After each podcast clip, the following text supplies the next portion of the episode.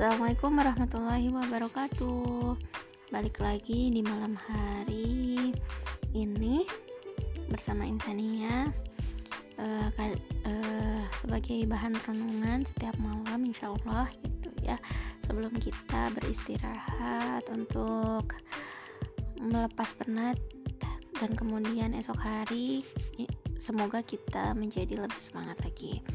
Nah, kali ini kita akan lanjutin lagi uh, bab uh, dari buku Latahzan uh, penulisnya Dr. Ain al ya.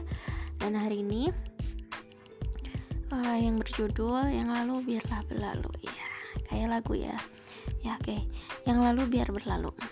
Mengingat dan mengenang masa lalu, kemudian bersedih atas nestapa dan kegagalan di dalamnya merupakan tindakan bodoh dan gila itu sama artinya dengan membunuh semangat, memupuskan tekad dan mengubur masa depan yang belum terjadi. Bagi orang yang berpikir berkas-berkas masa lalu akan dilipat dan tak pernah dilihat kembali.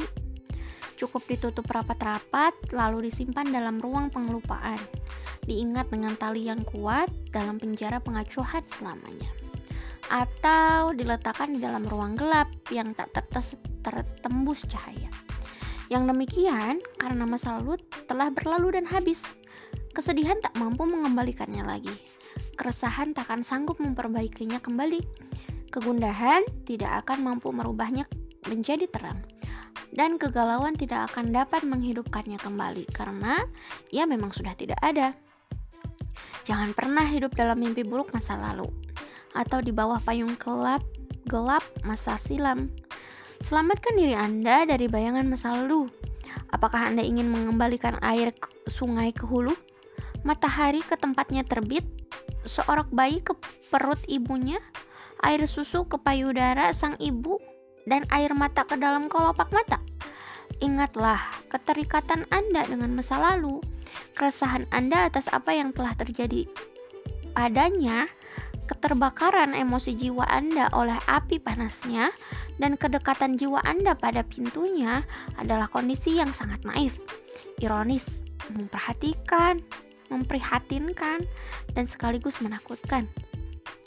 Membaca kembali lembaran masa lalu hanya akan memupuskan masa depan, mengendurkan semangat, dan menyia-nyiakan waktu yang sangat berharga. Dalam Al-Quran, setiap kali usai menerangkan kondisi suatu kaum dan apa saja yang telah mereka lakukan, Allah selalu mengatakan, itu adalah umat yang lalu. Begitulah, ketika suatu perkara habis, maka selesai pula urusannya.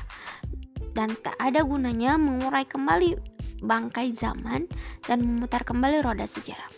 Orang yang berusaha kembali ke masa lalu adalah tak ubahnya orang yang menumbuk tepung atau orang yang bergereja menggergaji serbuk kayu. Syahdan, seorang nenek moyang, kita dahulu selalu mengingatkan orang yang meratapi masa lalunya demikian. Janganlah engkau mengeluarkan mayat-mayat itu dari kuburnya. Dan konon, kata orang yang mengerti bahasa binatang, sekawanan binatang sering bertanya kepada seekor keledai begini. Mengapa engkau tidak menarik gerobak? Aku benci hayalan, jawab keledai. Adalah bencana besar, manakala kita rela mengabaikan masa depan dan justru hanya disibukkan oleh masa lalu. Itu sama halnya dengan kita mengabaikan istana-istana yang indah dengan sibuk meratapi puing-puing yang telah lapu.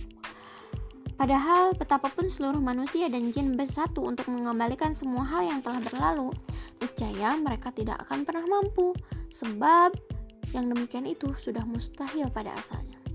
Orang yang berpikiran jernih tidak akan pernah melihat dan sedikit pun menoleh ke belakang. Pasalnya, angin akan selalu berhembus ke depan, air akan mengalir ke depan.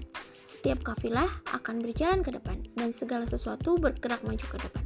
Maka itu, jangan pernah melawan sunnah kehidupan.